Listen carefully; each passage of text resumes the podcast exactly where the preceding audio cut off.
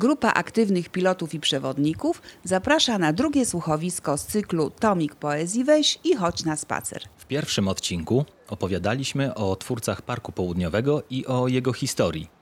Dziś opowiemy o naszych sąsiadach poetach Tadeuszu Różewiczu i Tymoteuszu Karpowiczu. Słowo klucz do twórczości Tadeusza Różewicza to słowo niepokój. Taki właśnie tytuł nosi jego debiutancki tomik z 1947 roku. W naszej audycji chcielibyśmy jednak pokazać Różewicza z innej strony, nie jako twórcę poezji nie dającej nadziei, jak najczęściej był określany, lecz jako wielkiego miłośnika przyrody i naszego długoletniego sąsiada. Poeta prawie 30 lat mieszkał przy pobliskiej ulicy Januszowickiej, skąd od Parku Południowego dzieliło go zaledwie 400 metrów. Potrzebował zieleni, mówi o dziadku Julia Różewicz w specjalnym dodatku do Tygodnika Powszechnego. Różewicz codziennie wędrował na spacer do parku. Tutaj pośród drzew szukał spokoju i ciszy, zakłócanej ciągle w domu przez niekończącą się adaptację strychu, od której stale pękały mu sufity. Poeta tak to opisywał. Stukanie młotka na klatce schodowej. Pojemniki na śmieci, jak blaszane kości olbrzyma. Obijają się o siebie z brzękiem. Kamil, starszy syn Tadeusza Różewicza, o tym umiłowaniu ciszy tak opowiadał w audycji Dwie do setki. Dom ojca był zawsze oazą spokoju i ciszy. Koledzy dziwili się, dlaczego u was jest tak cicho. Ojciec ciszą zamykał się i szczelnie otaczał. Ta cisza ukształtowała nas wszystkich. W spacerach po parku często towarzyszył poecie profesor Uniwersytetu Wrocławskiego Janusz Degler, wybitny witkacolog, który również mieszkał nieopodal parku. Profesor Degler tak wspomina ten czas. Było to chyba w kwietniu 2003 roku. Spotkaliśmy się rano w Parku Południowym i odbyliśmy tradycyjny spacer wokół stawu. Potem usiedliśmy na tej co zawsze ławce, skąd roztacza się widok na staw i porośniętą wysepkę na prawym brzegu. Milczeliśmy długą chwilę. Niespodziewanie Tadeusz Różewicz wstał, podał mi rękę i powiedział, że to nasze ostatnie spotkanie w parku. Przeprowadzam się na biskupin. Zanim zdążyłem cokolwiek powiedzieć, ruszył w stronę ulicy Januszowickiej. Kiedyś prezydent Wrocławia Rafał Dudkiewicz powiedział poecie, że chciałby uhonorować go pomnikiem, takim na wzór ławeczki Juliana Tuwima w Łodzi. Słysząc to, Różewicz oburzył się, że wtedy będzie mógł przysiadać się do niego dosłownie każdy, a on nie będzie miał żadnego wpływu na to, z kim siedzi. Tadeusz Różewicz był znany z ogromnej niechęci do udzielania wywiadów. Profesor Stanisław Bereś, autor telewizyjnych wiadomości literackich, wspomina, że gdy po wielu próbach nakłaniania poety ten w końcu zgodził się na spotkanie przed kamerą, wtedy sporo tego ekranowego czasu poświęcił na narzekanie na dzisiejszą młodzież, która śmieci i tłucze butelki w Parku Południowym. Z kolei inny przyjaciel Różewicza, profesor Akademii Sztuk Pięknych Eugeniusz Getz-Stankiewicz, opowiadał. Któregoś dnia Tadeusz Różewicz przyniósł foliową torebkę, a w niej żabkę. To była plastikowa żabka, którą poeta kupił w ogrodzie botanicznym. Obaj artyści umówili się, że ufundują pomnik żaby. W Parku Południowym oczywiście. Pomnik miał przybrać postać leżącej do góry brzuchem żabki w skali 1 do 1. Mimo, że pomnik nie powstał, to sam pomysł wydaje się całkiem ciekawy.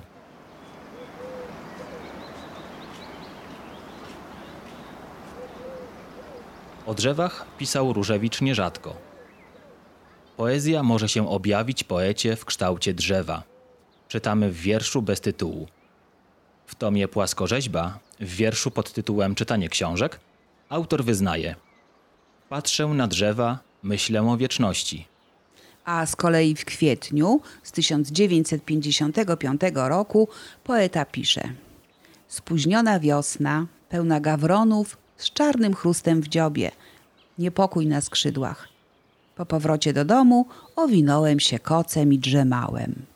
W innym utworze czytamy: Idziemy aleją parku, ubywa nas z każdym słowem, krokiem, liściem. Uśmiechasz się, bracie, nudzi cię moja pusta, kostyczna retoryka. Chodźmy na obiad, Lubię zupę fasolową.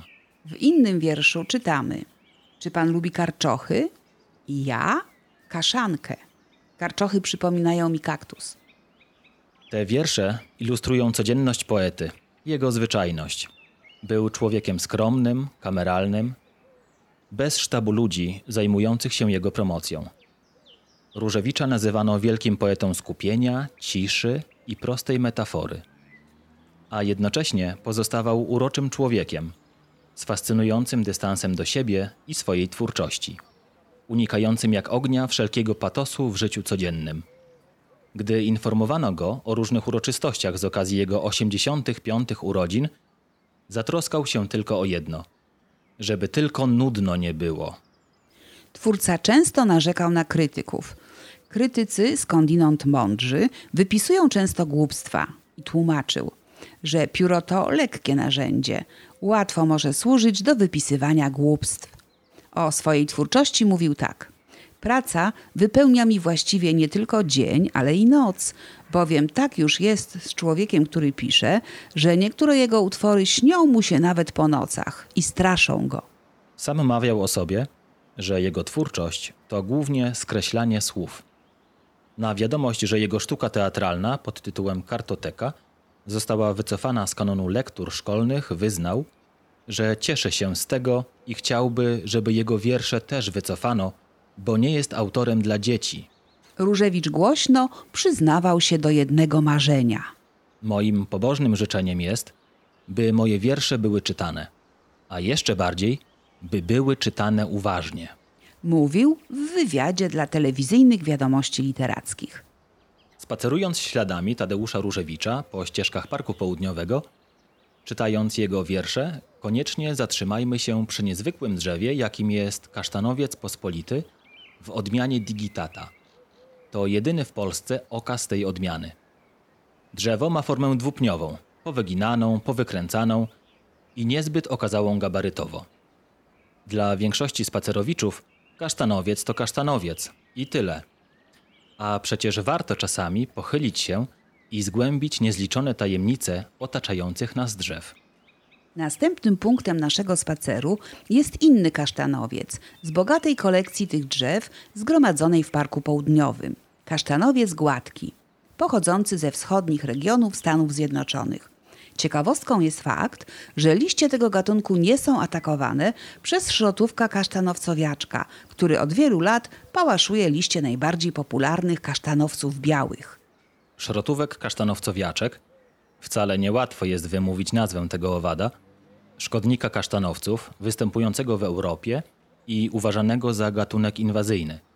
Gdy nagrywamy ten podcast w połowie maja, spóźnione w tym roku kasztanowce dopiero zaczynają kwitnąć, a pierwszy w kolejce jest jak zawsze digitata. Potem dołączą do odmian białych także żółte i czerwone. Na samym końcu zakwitną kasztany jadalne, których kilka też mamy w parku. Kolejną ciekawostką jest porównanie warunków do wzrostu, jakie mają drzewa parkowe i drzewa leśne. Okazuje się, że drzewa w miejskich parkach rosną szybciej i szybciej też przyrastają na grubość. To między innymi wpływ wyższych temperatur, a więc wcześniej rozpoczynającego się i dłużej trwającego w mieście sezonu wegetacyjnego.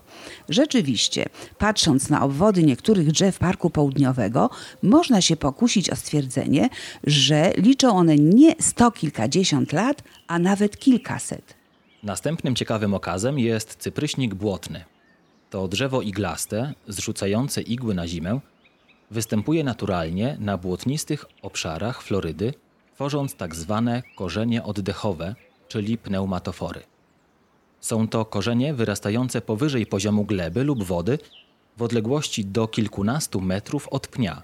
Dostarczają one niezbędnej ilości tlenu do systemu korzeniowego. Na linii brzegowej parkowego stawu odnajdziemy całe rzędy tych korzeni, wśród których lubią chować się kaczki. Tuż obok cypryśnika błotnego rośnie orzesznik pięciolistkowy.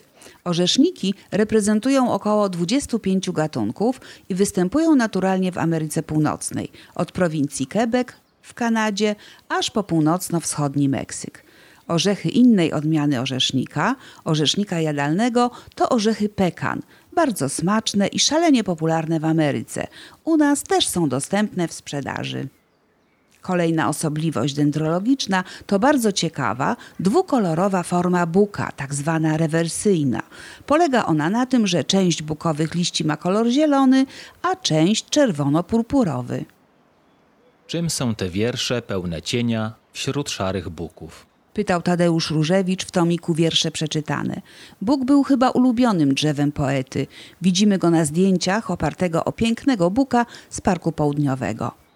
Ale najsławniejszy wiersz poświęcony drzewom to ten znany nam jeszcze ze szkoły utwór Leopolda Staffa pod tytułem Wysokie drzewa, gdzie poeta woła. O cóż jest piękniejszego niż wysokie drzewa, w brązie zachodu kute wieczornym promieniem. A na to Tadeusz Różewicz odpowiada. Patrząc na wysokie drzewa, myślę o Leopoldzie Staffie. Z kolei w wywiadzie dla Lidii Zawistowskiej poeta wyznaje – Czasami, gdy spaceruję po parku, rozmawiam z nim nie jak z umarłym, lecz jak z kimś żywym, bliskim, z kim pożegnałem się zaledwie przed chwilą. Jest to jakby dalszy ciąg naszych rozmów sprzed dwudziestu kilku lat. W innym różewiczowskim wierszu, bez tytułu, czytamy: Poezja może się objawić poecie w kształcie odlatującego ptaka. A wiosną w ptasim świecie dzieje się mnóstwo ciekawych rzeczy. Przede wszystkim trwa nieustanny ptasi koncert na mnóstwo mniej lub bardziej donośnych głosów. Śpiew ptaków niejedno ma imię. W ptasim świadku dzielimy go na cektanie, ćwierkanie, gwizdanie, kwilenie, szczebiotanie, świergotanie czy świstanie. Właściciele bardziej wysublimowanej wyobraźni dosłyszą jeszcze odgłosy czyrkania, ćwikania, ćwiżenia, pitpilitania i pimpilenia. Tak o śpiewie ptaków pisze Marek Pióro w swojej książce Plamka Mazurka. Drugi bohater naszego słuchowiska, Tymoteusz Karpowicz, pisze: Poezja lubi się chować w książkach, ale zdrowiej jest wyprowadzić ją na spacer, poza książki, w przestrzeń zadrzewną. Tymoteusz Karpowicz, poeta doktus, największy erudyta spośród poetów polskich XX wieku. Tak piszą o nim jedni krytycy. Inni jego poezję nazywają kwadraturą koła. Dla nas, mieszkańców Borka, to kolejny po Tadeuszu Różewiczu sąsiad poeta. Tymoteusz Karpowicz razem z żoną Marią, nazywaną przez niego Marylą, mieszkali od lat 50. po rok 1973 niedaleko Parku Południowego, w domu przy ulicy Krzyckiej. Maryla, absolwentka Uniwersytetu Wrocławskiego, przez wiele lat nauczała języka polskiego w pobliskiej szkole podstawowej przy ulicy Januszowickiej, szkole, którą codziennie mijał Tadeusz Różewicz w czasie swoich spacerów do parku.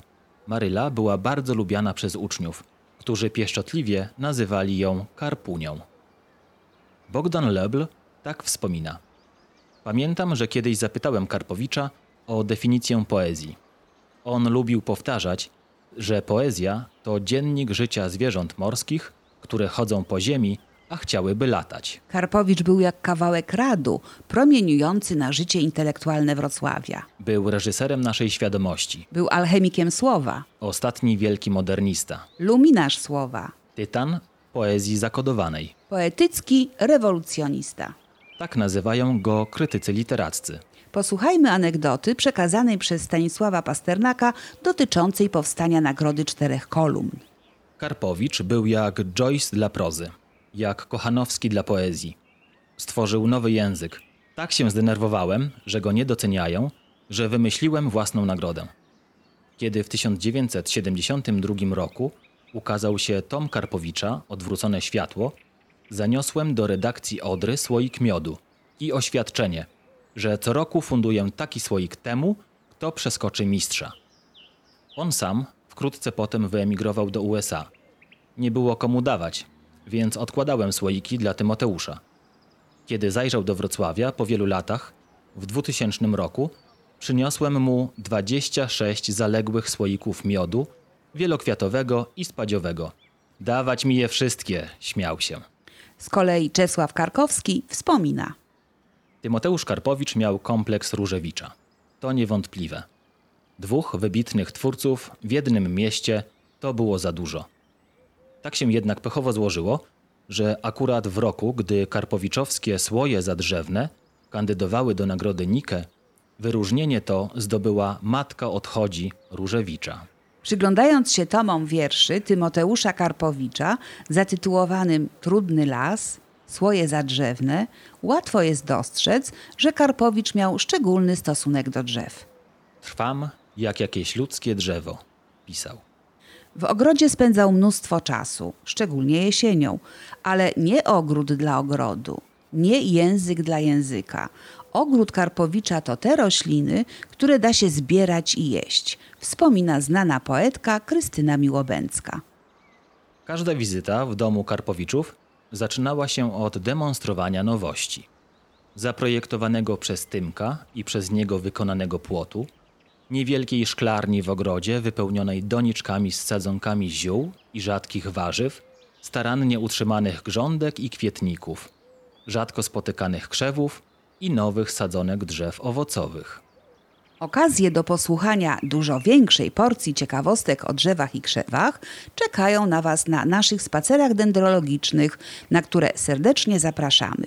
Żegnamy się z Wami wierszem Tadeusza Różewicza poświęconym Parkowi Południowemu. Chciałem opisać opadanie liści w Parku Południowym. Pięć białych łabędzi stojących na zamglonym lustrze wody. Chciałem namalować oksydowane szronem czarne chryzantemy. Światło na wargach przechodzącej dziewczyny. Po powrocie do domu moja ręka zaczęła pisać wiersz.